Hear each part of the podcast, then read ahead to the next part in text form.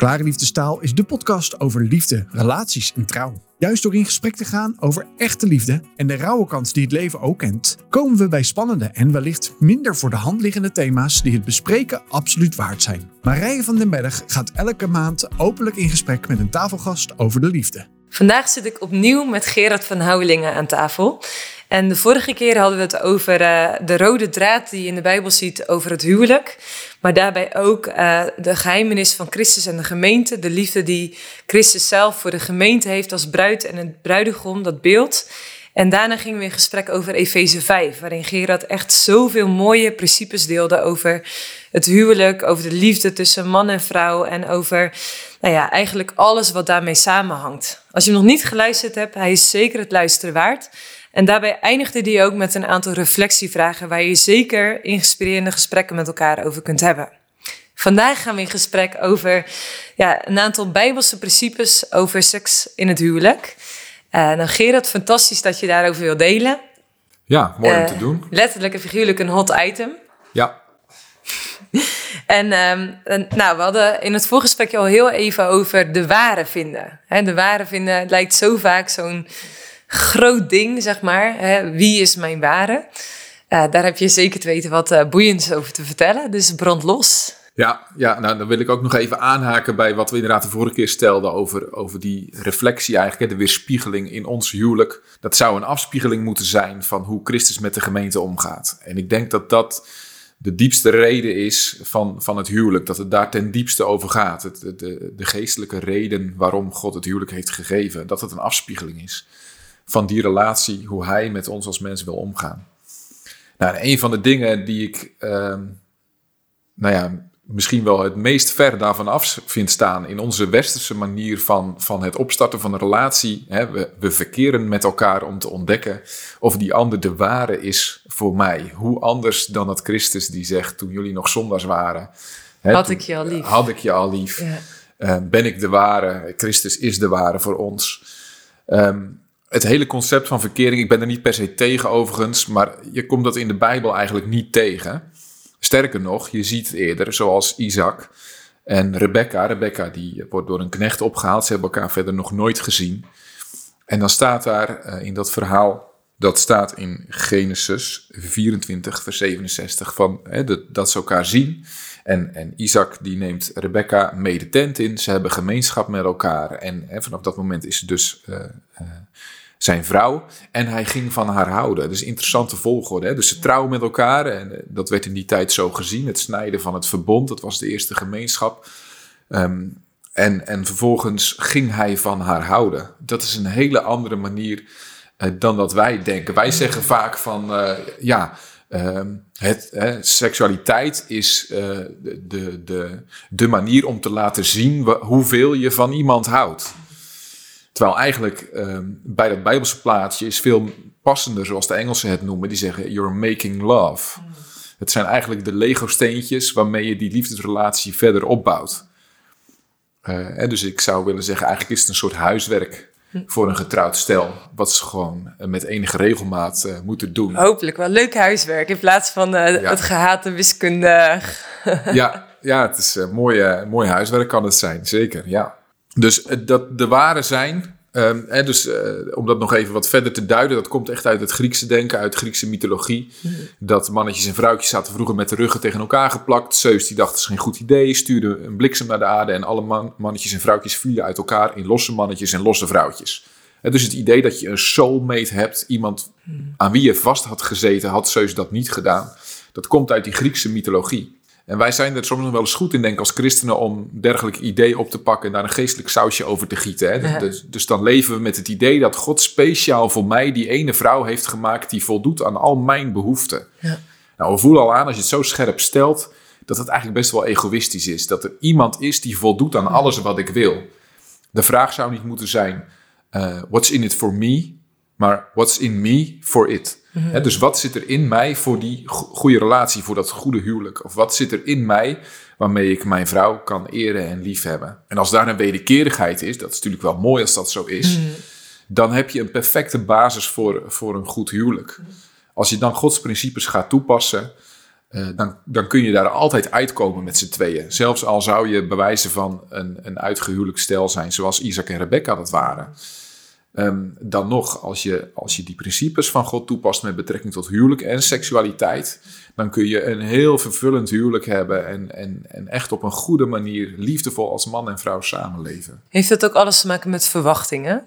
Jazeker. Ja, ik denk als je verwachting is dat je op zoek bent geweest naar de ware en die gevonden hebt. En als dan ergens in de loop van de tijd je relatie er anders uit gaat zien, hè, de, je relatie heeft seizoenen, misschien mag je kinderen ontvangen, uh, dan gebeurt er ook van alles met hoe je relatie eruit ziet. En dan kan het zomaar zijn dat er irritaties ontstaan, verliefdheid komt en gaat. Uh, als het een keer een tijdje even wat, wat minder is met de verliefdheid, kan zomaar het idee ontstaan, maar wacht eens even, dit is helemaal niet te ware. Ja, en vooral als je dan iemand anders tegenkomt die jou uh, even wat aandacht geeft en je denkt, hoe loopt, die is heel leuk. Ja, en als je daar dan verliefd op wordt, dan denk je zo, oh, maar misschien was dat de ware. Ja. En, en dan doen we er misschien wel beter aan om uit elkaar te gaan, want ja, als, als zij niet mijn ware is, dan loopt mijn ware nog ergens rond. Maar dan loopt haar ware ook nog ergens rond. Ja. Het is natuurlijk een hele verwarrende, verwarrende manier van, ja. van denken. En ik denk soms dat het nog wel eens dieper zit dan dat we onszelf bewust zijn dat we toch die manier van denken. Het is natuurlijk ook heel erg het Hollywood-plaatje waar we vanuit de media voortdurend onszelf mee laten vollopen. Uh, maar ook echt in ons westerse denken uh, is, is het de manier waarop we relaties vaak benaderen. En dat heeft denk ik een dieper impact dan dat we ons bewust van zijn. Ja, als je dat zo uh, stelt, dan denk ik echt, als je het hebt dus over seks en, en het liefhebben vanuit Efeze 5, waar je de vorige keer over had. En je bent in de seksuele beleving niet alleen maar gericht op jezelf, maar dus wat is in me for it? Wat, wat zit in mij, wat ik mijn geliefde daarin mag geven? Uh, is dat natuurlijk een hele andere benadering dan wanneer je denkt van, hé, hey, wat kun jij mij geven? Want ik heb uh, zin in genot en ik heb zin in seks en ik wil nu bevredigd worden. Ja. Klinkt misschien een beetje plat, maar uh, misschien is het wel een hele mooie vernieuwing in denken als het aankomt op uh, seksualiteit en de seks die dus niet zozeer gericht is op jezelf, maar juist op de ander, waarin je dus zelf ook mag ontvangen. Ja, en, en het mooie is dat, dat wat je nu zegt, dat staat haast letterlijk in de Bijbel. Uh, Paulus die schreef daarover. Um, grappig genoeg, als, als uh, niet getrouwde yeah. man, schrijft hij daarover in, in uh, 1 Korinthe 7. Dus dat stukje wil ik even lezen. Dat zijn zeven versen. Uh, ik lees uit de nieuwe Bijbelvertaling. Daar staat nu, dan nu de punten waarover u mij geschreven hebt. U zegt dat het goed is dat een man geen gemeenschap met een vrouw heeft. Maar om ontucht te vermijden, moet iedere man zijn eigen vrouw hebben en iedere vrouw haar eigen man. En een man moet zijn vrouw geven wat haar toekomt, evenals een vrouw haar man. Een vrouw heeft niet zelf de zeggenschap over haar lichaam, maar haar man. En ook een man heeft niet zelf de zeggenschap over zijn lichaam, maar zijn vrouw. Weiger elkaar de gemeenschap niet, of het moest zijn dat u er wederzijds mee instemt, u enige tijd aan het gebed te wijden. Kom daarna echter weer samen, anders zal Satan uw gebrek aan zelfbeheersing gebruiken om u te verleiden. Ik zeg u dit niet om u iets op te leggen, maar om u tegemoet te komen. Ik zou liever zien dat alle mensen waren zoals ik, maar iedereen heeft van God zijn eigen gaven gekregen. De een deze, de ander die. Hm. En dus dat laatste vers, het gaat erover dat Paulus die is zich bewust van dat hij alleen is. En, en daardoor kan hij zich ook volledig wijden aan, aan werk en aan de bediening die hij van Christus ontvangen heeft om aan de heiden het evangelie te verkondigen. Um, en hij, en zegt, hè, dat, daar zeg ik dan straks nog wel iets over, dat als je getrouwd bent, dan heb je ook die verantwoordelijkheid heb je naar elkaar toe. Dus dan kun je niet 100% uh, gewijd zijn aan uh, de verspreiding van het evangelie, zoals hij dat was. Dus, dus dat even over, over die context. Um, Wat betekent dat nu concreet? Uh, je, bent, je bent natuurlijk al uh, jaren getrouwd, je hebt vier kinderen mogen krijgen. Uh, je zit misschien niet altijd even lekker in je vel. en als er een kind geboren is of je bent hoogzwanger als vrouw zijnde, dan is je lichaam ook niet altijd heel erg wellicht gecharmeerd van, van kroelen. Of als je gewoon emotioneel even, of je bent enorm druk of je lichaam zit even niet mee. Hoe, hoe, hoe pas je dan dit bijbelgedeelte daarin toe?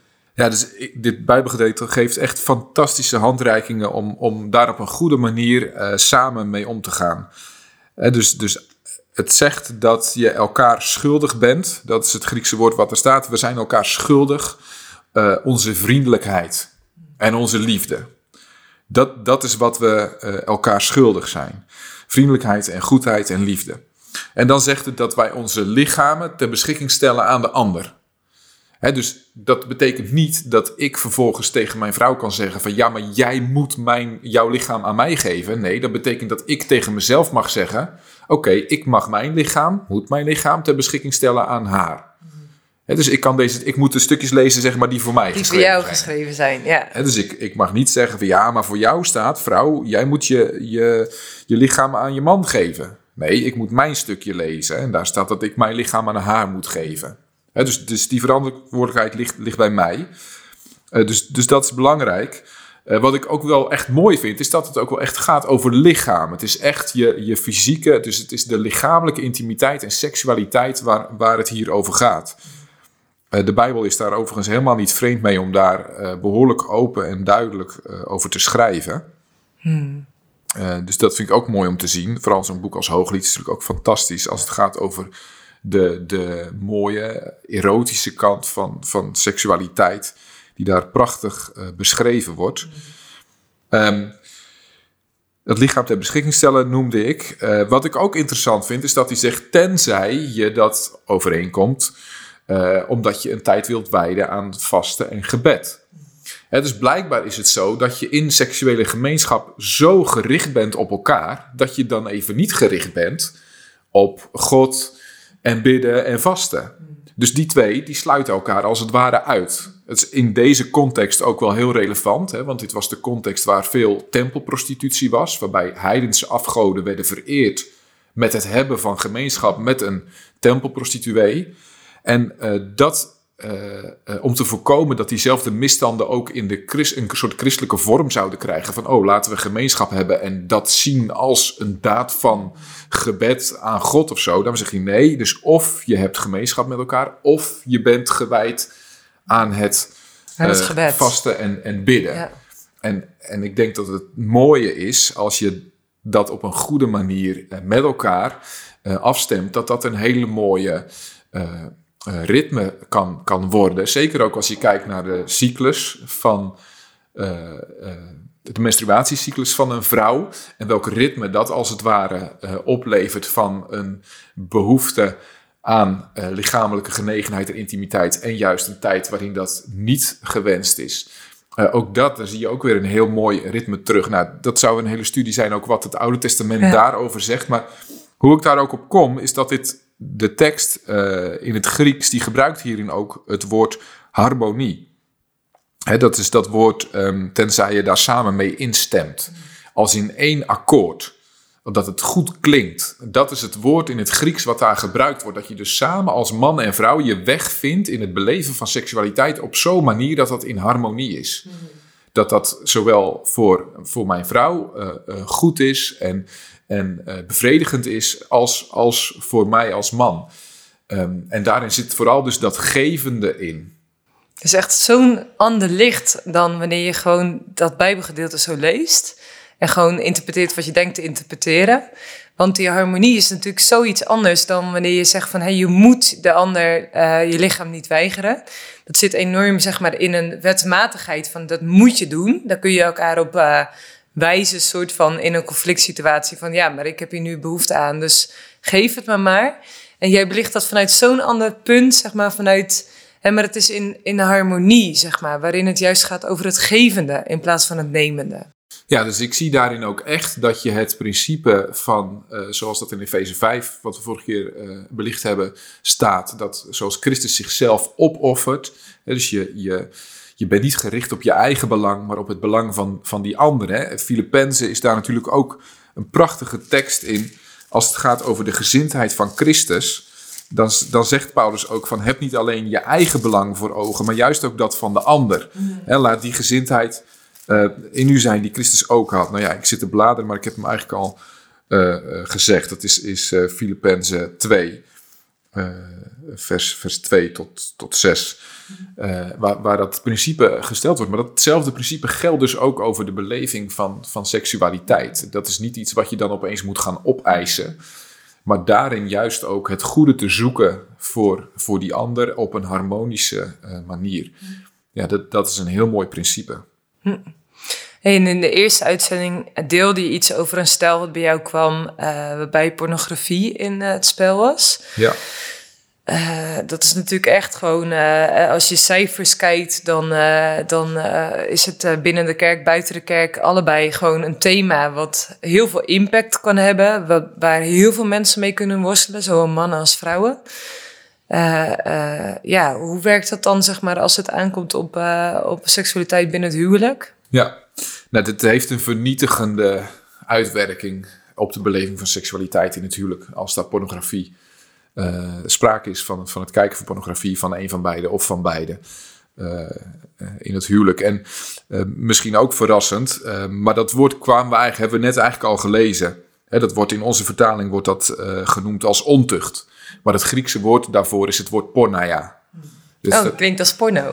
Precies, dat, dat klinkt als porno. En dat betekent in de Bijbel eigenlijk iedere vorm van seks, behalve die tussen een man en een vrouw die getrouwd zijn dus in de Bijbel wordt seksualiteit echt exclusief uh, toegeschreven aan een getrouwde man en vrouw. Dus binnen dat huwelijk. En dan ook nog eens, dat is waar Paulus hierover schrijft, op die harmonische manier. Dus niet iedere vorm van seks binnen een huwelijk is altijd maar goed, want we zijn nu eenmaal getrouwd. En juist pornografie kan daarin zo'n vernietigend effect hebben, want dat gaat dan onbewust toch dienen. Uh, vaak zie je dat, uh, denk ik, bij mannen als een soort ehm, inspiratiebron. Hè, dat wat ze zien, dat is ook neurologisch te onderbouwen. Dat wat ze zien, willen ze uiteindelijk ook in de praktijk beleven met hun eigen vrouw. Dus dat heeft een vernietigende uitwerking op, op de beleving van seks in het huwelijk. Want waarom? Want wat is datgene wat ze zien? Nou, dat wat ze zien is dat ze hun brein als het ware trainen om opgewonden te raken van, nou ja, ik denk dat er geen mensonterendere vorm is van, ik zou het geen eens seks willen noemen, van wat die mensen met elkaar doen, dan dat er in dat soort materiaal te zien is. Het, het is niet seks, um, het weerspiegelt helemaal in niks. Uh, liefde, of, intimiteit of intimiteit. ja. Uh, het is vaak ook echt vrouwonterend. Um, dus, dus mannen die, die raken, trainen zichzelf om daarvan opgewonden te raken. Als vrouwen daar ook naar kijken of meekijken, heeft het bij hen veel meer het effect van: oké, dit is wat er van me verwacht wordt. Vrouwen hebben veel sterker in hun brein.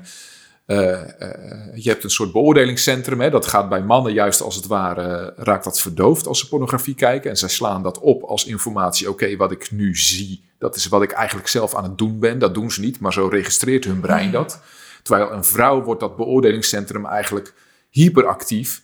En die gaat zichzelf voortdurend vergelijken. Oh, zij is mooier of niet. Oh, zij doet dit. Oh, dat wordt er van me verwacht. Enzovoort, enzovoort. Dus dat heeft een hele ja, negatieve uitwerking op. Uh, en, en is liefde dan nog hetgene waar de seksualiteit dan over draait, om draait? Of, of, of gaat het dan opeens over iets heel anders dan elkaar zien en elkaar liefhebben? Ik denk dat het eh, door uh, invloed van pornografie al snel gaat over de beleving van, van genot, uh, van lust. En ik zeg overigens niet dat lust geen plek mag hebben in een huwelijk, want dat mag het echt wel. En juist als je uh, ver bij pornografie wegblijft, dan kan lust juist op een hele mooie manier plek hebben in de beleving van seksualiteit in een huwelijk. Maar waar die lust geïnspireerd is of gedreven uh, door pornografie, uh, daar heeft het eigenlijk altijd een negatieve uitwerking. In, in het huwelijk, in de beleving van seksualiteit, maar ook verder de, de beleving van, van de relatie.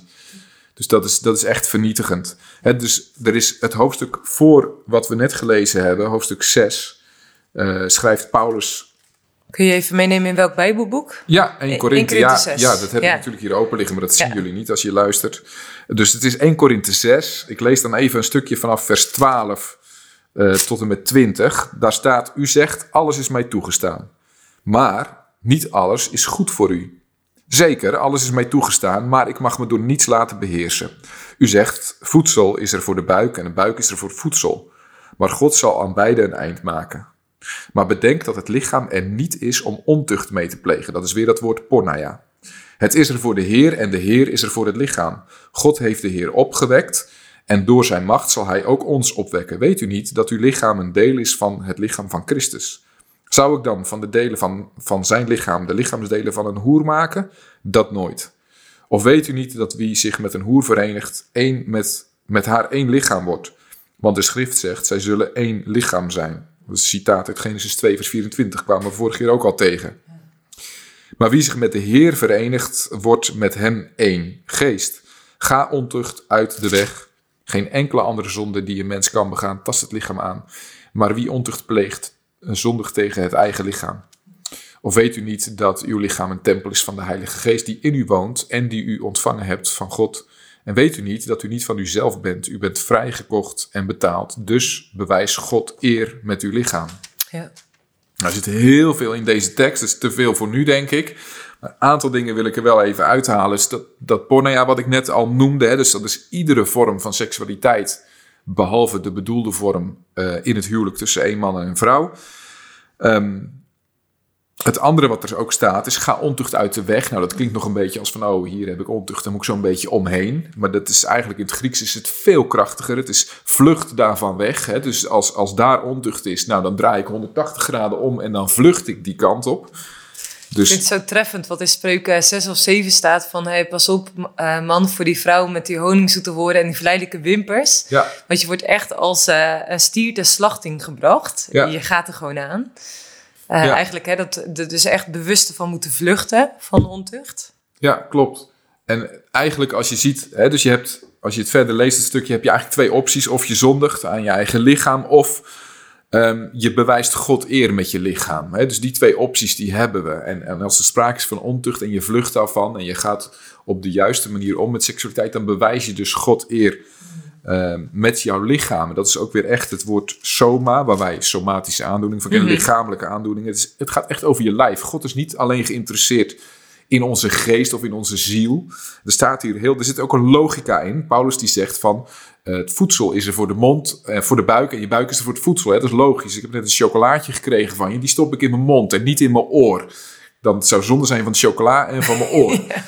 Uh, dus die logica, die zegt Paulus, die is er ook. Jouw lichaam is er voor God en God is er voor jouw lichaam. Ja.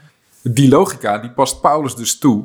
En hij zegt, zo logisch als het is dat je eten in je mond stopt en dat het in je buik komt, zo logisch is het dat jouw lichaam er is voor de Heer en de Heer is er voor jouw lichaam. Niet alleen maar als een waarschuwing om te zeggen, oh pas op, want uh, hè, anders straft God je als je niet goed met je lichaam omgaat, maar ook om te zeggen, um, dit is ontzettend troostrijk. Als jij het lastig vindt om op een goede manier met je lijf, met seksualiteit om te gaan, dan zegt God er ook, maar ik ben er voor jou, voor je lichaam. Um, uh, ik wil je helpen om daar op een goede manier mee om te gaan. Dus dus dat, is, dat heeft die twee kanten. Uh, wij zijn geneigd misschien om dat snel negatief alleen maar uit te leggen, maar het heeft zeker ook die hele mooie, rijke, positieve kant. Ja, want de troost zit er dan in dat God dan ook er voor jou ook is als je hiermee worstelt. Ja, zoek je hulp dus ook echt bij Hem. Um, uh, dus we hadden het vorige keer volgens mij ook even over dat je soms uh, een, een, derde inschakelt, hulp. Hè, dus een, een, pastor of een hulpverlener.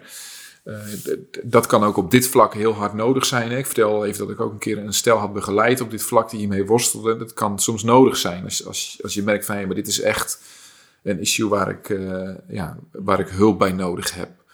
maar zeker ook zoek je hulp ook bij, bij degene die jou gemaakt heeft en die seksualiteit bedacht heeft. Ja die, die, is er, die is er voor je en die wil je daarbij helpen. Dus dat is, ja, die kant wil ik ook echt onderstrepen. Hey, en ik ontmoet wel eens mensen die zeggen van hey, seks heeft een functie om je voor te planten. Uh, dat het echt vooral functioneel is. In sommige kerkgenootschappen is dat eigenlijk ook echt de, de nadruk. Vooral ook zorgen dat je hè, uh, je daadwerkelijk ook vermenigvuldigt en een veelvoud aan kinderen ook ontvangt als je dat gegeven is. Um, maar zijn er nog meer facetten rondom seksualiteit, ook als bijvoorbeeld genot en echt elkaars liefde vieren? Ja, dat zijn zeker. Dus, jongeren hebben we dan altijd laten we een puzzeltje maken over zo'n wegstreeppuzzeltje. En dat zijn dan allemaal woorden die een bepaalde functionaliteit omschrijven van seksualiteit. Dat weten ze dan nog niet dat dat per se allemaal functionaliteiten van seksualiteit zijn. Maar dat gaat over troost, over genieten, gekend zijn, bevestigen, respecteren, eren. Dus er zijn heel veel functies die je in de Bijbel tegenkomt als het gaat over seksualiteit. Hè. Dus Isaac noemden we net al als voorbeeld, Isaac en Rebecca. Uh, daar staat ook dat, dat hij toen troost vond na de dood van zijn moeder. Je ziet dat seksualiteit op een bepaalde manier daar ook een troostende functie heeft. En denk niet alleen de seksualiteit, maar ook de relatie, het huwelijk met zijn vrouw Rebecca. Um, Eh, wat ik eigenlijk, denk ik zelf, de mooiste functie, ik weet niet of je het helemaal als een functie kan zien, maar we hadden het vorige keer over dat weerspiegelen van het huwelijk. In de manier waarop wij ons huwelijk inrichten, maar zelfs in de, in de anatomie van de conceptie, in de biologie, in, de, in hoe de conceptie is, daar zie je de weerspiegeling van de verlossing. Vertel. Ja, dat is echt een heel mooi principe. In de Bijbel wordt de man altijd gezien als de gevende als het gaat over seksualiteit en de vrouw als de ontvangende. Dus de man is de gevende, de vrouw is de ontvangende. Maar datzelfde zie je bij Christus en de gemeente. Christus is de gevende en de gemeente is de ontvangende. De gemeenschap die zij hebben als man en vrouw, daaruit kan dan nieuw leven voortkomen. Maar zo is het ook bij de gemeenschap tussen Christus en een mens. Daaruit komt nieuw leven voor, een wedergeboorte. Hè? Dus Petrus die schrijft daarover. Wij zijn geboren niet uit vergankelijk zaad, maar uit onvergankelijk zaad. Uit de wil van, van Christus zijn wij geboren. Dus dat nieuwe leven komt daaruit voort. En dan gaat het over erfgenaamschap. Ook daar schrijft Petrus over dat wij, maar ook Paulus, een erfgenaam zijn. Hè? Dus uit de gemeenschap die er is, dat samengaan vanuit dat verbond, de gemeenschap, het nieuwe leven wat eruit voortkomt, de erfgenaam die daaruit ontstaat. Precies datzelfde zie je bij, om het maar even zo te zeggen, de, de geestelijke conceptie. Die vergelijking vind ik zo treffend en dat maakt voor mij seksualiteit zoveel uh, mooier dan, nou ja, laten we maar even zeggen, het platte wat de media er soms van maakt. Of de manier waarop we in onze westerse samenleving er meer een soort product uh, van hebben gemaakt. Het gaat zelfs de daad van seksualiteit, van gemeenschap, gaat over het weerspiegelen van hoe God tot in de verlossing van de mens met ons wil omgaan. Zo rijk. Er wordt zo vaak ook gesproken over, uh, hè, uh, nou ja, vooral veel seks hebben als je jong bent, uh, dan kan het nog. Ik heb ooit voor mijn boek Bemin een oud stel geïnterviewd. Die zeiden, onze seksualiteit is eigenlijk door de jaren heen alleen maar mooier geworden, omdat we elkaar daar veel beter in hebben leren kennen. Vond ik zo'n mooi inzichtpunt. Maar ook dat ik artikelen heb gelezen over uh, mensen met een seksuele burn-out. Die echt zeggen, voor mij hoeft seks niet meer. Ik vind het gewoon fijn om in iemands nabijheid te zijn en liefde te ervaren. Maar dat hele seksverhaal, uh, weet je, het is mij, uh, ik heb genoeg gezien van seks. En dat ja. betekent eigenlijk niks meer voor me. Ja, dus, dus ik denk dat um, als seks vooral gefocust wordt op de beleving van lichamelijk genot als een op zichzelf staande nou ja, activiteit die je zo af en toe. Een soort van doet. hobby. Ja, hobby. Um, uh, dat dat risico veel groter is dan wanneer je het onderdeel laat zijn van het liefhebben ja. In het huwelijk, zoals we vorige keer zagen vanuit Efeze. Dan, dan, dan heeft dat ook, ja, dan heeft het seizoenen. Um, maar dan heeft dat veel meer de focus op intimiteit. Meer ook dan alleen de lichamelijke intimiteit op het vlak van seksualiteit. Maar dan is het een onderdeel van de geestelijke, emotionele en sociale intimiteit die, die er is. En ja, dat is dan uh, iets wat door de jaren heen alleen maar groeit en rijker wordt. Juist omdat je zo'n gezamenlijkheid hebt opgebouwd. Hè? Ik noemde vorige keer ook het Joodse begrip egat, eenheid. Dat heb je ook op het vlak van seksualiteit. Ja. Maar ook alle herinneringen die je samen opbouwt, emotioneel en geestelijk, die vormen allemaal die, die eenheid. En daardoor wordt het alleen maar rijker en mooier. En leer je inderdaad elkaar ook lichamelijk steeds beter kennen. En word je meer een eenheid. Maar kom ook wel eens artikelen tegen of mensen die daar een bepaalde visie op hebben en, en in een uh, nou ja, coaching of therapierol daar uh, betekenis aan geven. En dan gaat het veel meer over, nou ja, welke items kun je gebruiken om je seksleven een boost te geven? Of uh, welke vormen van seks zijn er allemaal als je bent uitgekeken op het normale? Ik denk dat dat allemaal dingen zijn waarbij er een verkeerde focus is, een verkeerde uitgangspunt. Met zeker het risico op uh, seksuele burn-out. Dan heb je het allemaal wel gezien, weet je. Ja, welke items moet je dan nog gaan bedenken? En dan kom je soms bij hele extreme vormen van seks als je daaruit, daar verder in gaat die eerder een, een vernietigende uitwerking hebben dan een verrijkende uitwerking. He, dus, uh, wat, voor, wat zou je die mensen meegeven? Want misschien is er wel een luisteraar die zegt: Ja, dit herken ik gewoon. Ik ben gewoon soort van uitgekeken op de seks die, uh, die ik heb binnen mijn huwelijk. Wat zou je zou iemand mee willen geven? Ja, dus, dus ga voor het opbouwen van echte intimiteit. He, dus, en misschien zelfs wel, uh, laat daarbij seksualiteit een tijdje achterwege. Richt je dan maar even op bidden, wellicht ook vasten, maar richt je daarin op God, maar ook op elkaar. Uh, op het opbouwen van geestelijke en emotionele intimiteit. En laat seksualiteit, dan gaat dat als het ware weer opnieuw opbouwen als een beleving van een onderdeel van die intimiteit. Dus niet zozeer op ja, hoe kunnen we het nog leuker of spannender of gekker maken, um, maar echt het, het liefhebben en, en het beminnen van elkaar. En tegelijk er ook weer de kanttekening bij dat uh, als mensen uitgekeken zijn op elkaar, dan vind ik het ook gewoon heel goed huiswerk om te zeggen van ja, maar we voelen er niks meer bij. Om te zeggen, nou ja, ga het toch maar gewoon doen. um, en en uh, hè, dus niet uh, met de attributen, maar gewoon op elkaar gericht en huiswerk. Um, omdat het ook gewoon, hè, die making love functie, die bouwsteentjes voor een goed huwelijk, dat, die functie heeft het. Als je daar op de goede manier mee omgaat. Uh, dus het heeft ook te maken met welke mindset heb je erbij. Ja. Ja, tijdens het Valentine-event uh, deelde Kokkie Drost iets over uh, aan de hand van autonome seksualiteit. En toen zei ze, het is soms ook gewoon goed om je te beseffen dat niet elke, elk moment dat je kroelt met elkaar tot een hoogtepunt hoeft te komen. Ja. Maar dat je soms ook gewoon het heerlijk vindt om gewoon ja, bij elkaar te zijn of even te kroelen. Of gewoon even aan elkaar te zitten en dan te zeggen, hey, weet je, ah, dit was gewoon heerlijk. is goed geweest voor vandaag. Ja. Maar daarin gewoon Hè, zeg maar, niet daarin een lat te hebben van je moet als je, uh, als je alleen al even een kus geeft aan elkaar, dat je denkt, oh nee, daar gaan we weer. Uh, maar dat het ook gewoon goed is om elkaar gewoon een kus te geven of gewoon lekker even ja. lekker te zoenen. Uh, en vervolgens gewoon dan lekker te gaan slapen of wat je dan ook gaat doen. Ja, ja dus, dus um, ik denk zeker dat dat, dat, dat goed is. Ik, ik kan me ook voorstellen dat uh, daar een verschil is tussen mannen en vrouwen. Mm. Dat mannen sneller de neiging hebben, ook vanuit hun seksueel ontwaken in hun ontwikkeling, um, uh, uh, de neiging hebben om toch uit te zijn of toe te leven in hun beleving naar een, een hoogtepunt, seksueel hoogtepunt, mm. een orgasme. En dat vrouwen daar op een andere manier in zitten en veel meer dus ook die die intimiteit als geheel beleven en niet per se een seksueel hoogtepunt als einddoel hebben. En ik denk dat dat dus een hele goede oefening, zeker als je het hebt over mensen die een beetje daarmee worstelen en, en van de ene nieuwe vorm van beleving naar de andere geneigd zijn te hoppen, om, hoppen, om juist um, eens te gaan voor, voor die oefening van nou, ga maar eens wel lichamelijk intiem zijn, zonder dat je per se uh, tot zo'n seksueel hoogtepunt komt. Uh, maar gewoon een, een oefening uh, uh, daarin. Om weer opnieuw dat, dat liefkozen en beminnen, als het ware, te, te ervaren. Ja.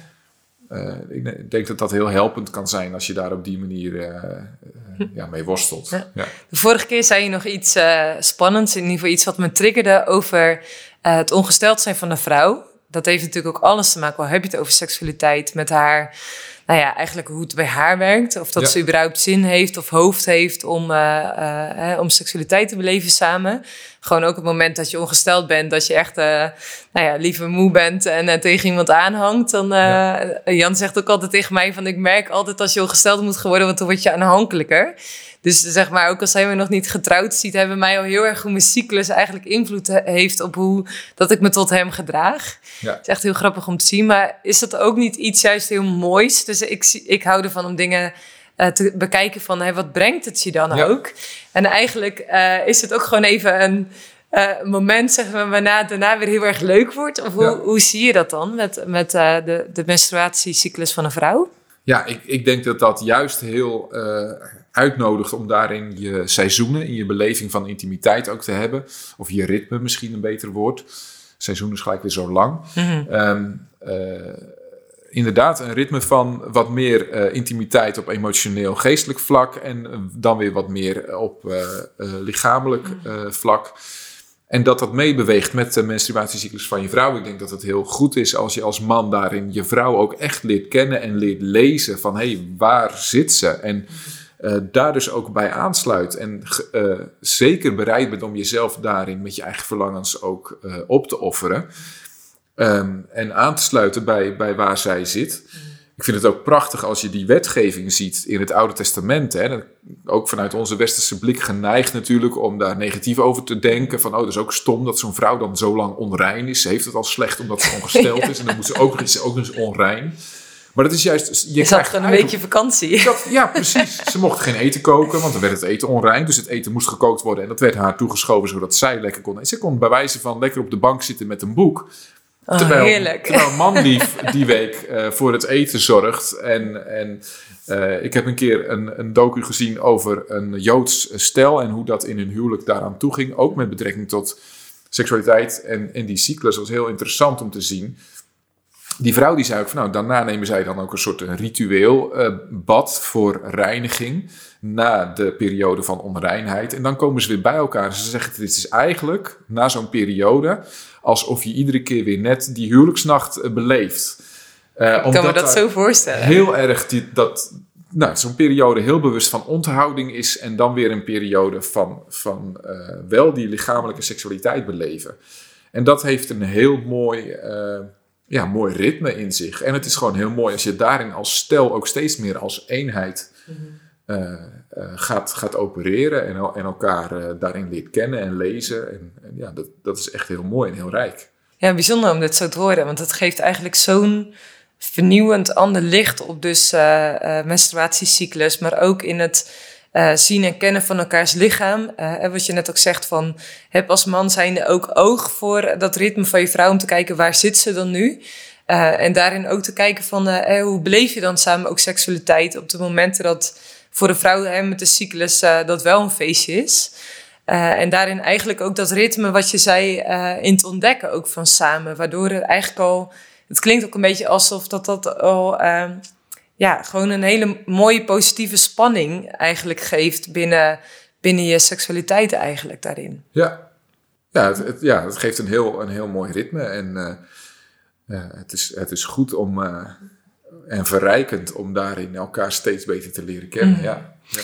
Ik hoorde ooit een man die zei van, uh, het is als man zijn heel, was bij een bio-event van Bio Together, waar ik toen oprichter en voorzitter van was. En toen hadden we een evenement voor jonge stellen.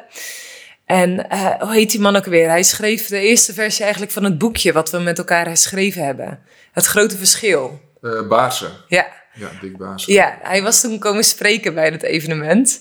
En uh, echt al een hele oude baas, die, ja. die al zoveel gesproken heeft ook over het thema seksualiteit. En, en nou, één zin van wat hij zei is me altijd bijgebleven. Hij riep eigenlijk de jongens op om, als het aankomt op seksualiteit, juist eerst ook uh, daarin oog te hebben voor hun vrouw. Uh, hun vrouw daarin uh, te koesteren en lief te hebben. daarin te bevredigen. Ik weet niet, hoe, hoe zie jij dat?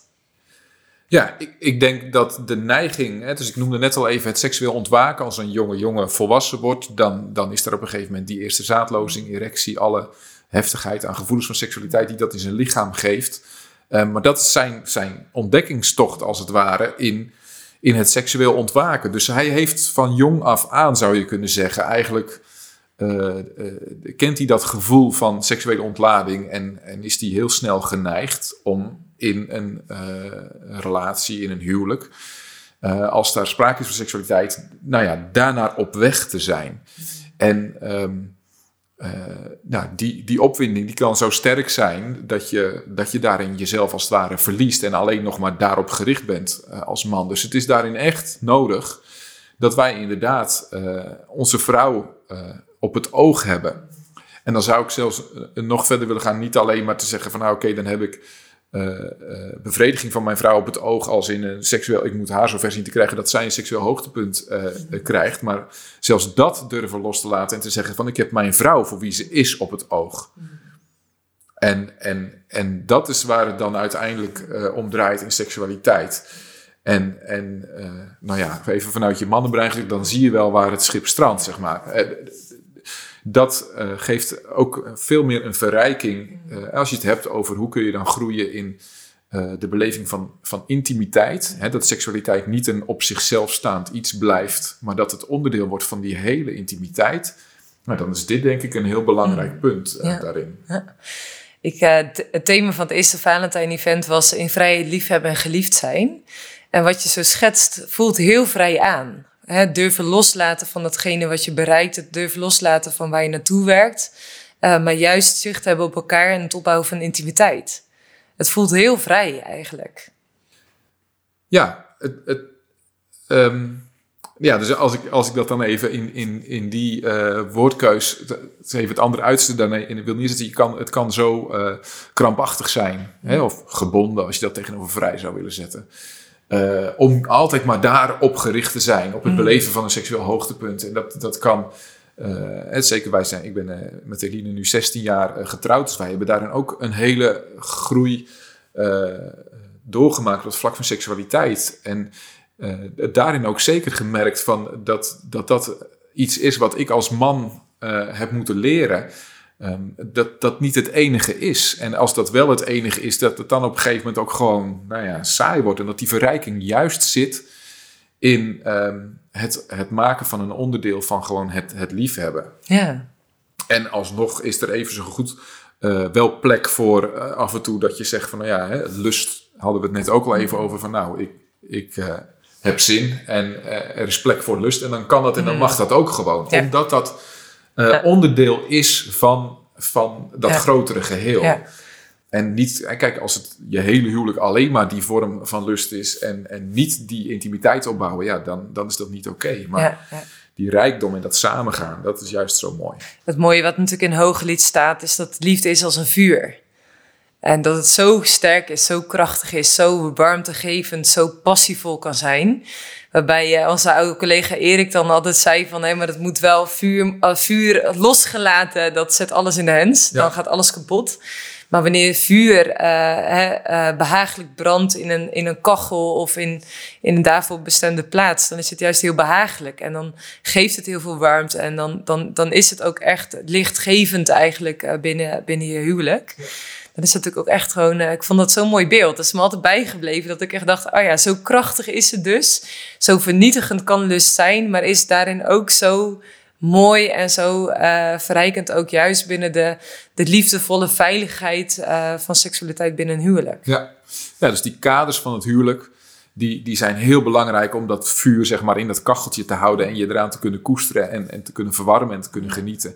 En dan niet alleen maar hè, van nou oké, ik ben getrouwd, dus dan is het goed, dan mag nu alles. Hè, maar dan even luister, als je dat denkt, luister dan nog even die van, van de vorige keer met dat inzoomen op Efeze 5. Niet alleen maar het getrouwd zijn, maar ook hoe ben je getrouwd. Ja. En, en, en ja, als je dat daar onderdeel van laat zijn, ja, dan heb je prachtige kaders om seksualiteit een plek te geven binnen je huwelijk. Ja. Heb je nog iets wat je de luisteraar mee zou willen geven?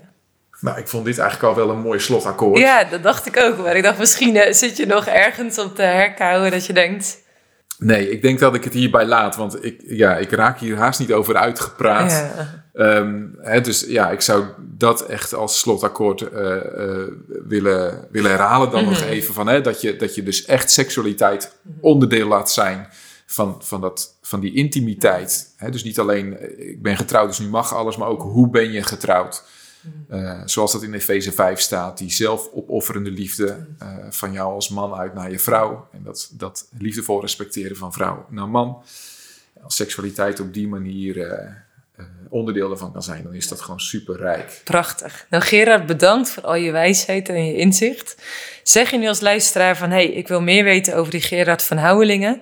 Ga dan naar uh, noapologies.eu. Uh, daar kun je meer informatie vinden over de organisatie. Kun je hem vast ook uh, benaderen om te komen bespreken bij je kerk of bij je jeugdgroep of bij een mannendag of een vrouwendag, whatever wat je organiseert. Zeg je nu van, hey, dat hele uh, No Apologies ben ik benieuwd naar. Ga dan ook naar de website. Ze werken aan de hand met vrijwilligers, gaan scholen af, jeugdgroepen af. En uh, gaan juist ook in gesprek met jongeren over dit soort thema's die zo belangrijk zijn om al op jonge leeftijd te horen. Dus zeg je van, hé, hey, daar wil ik meer van weten. Check de website en nodig ze uit. En uh, ik weet zeker dat je hele mooie gesprekken hebt met de jongeren of met de mensen in de kerk.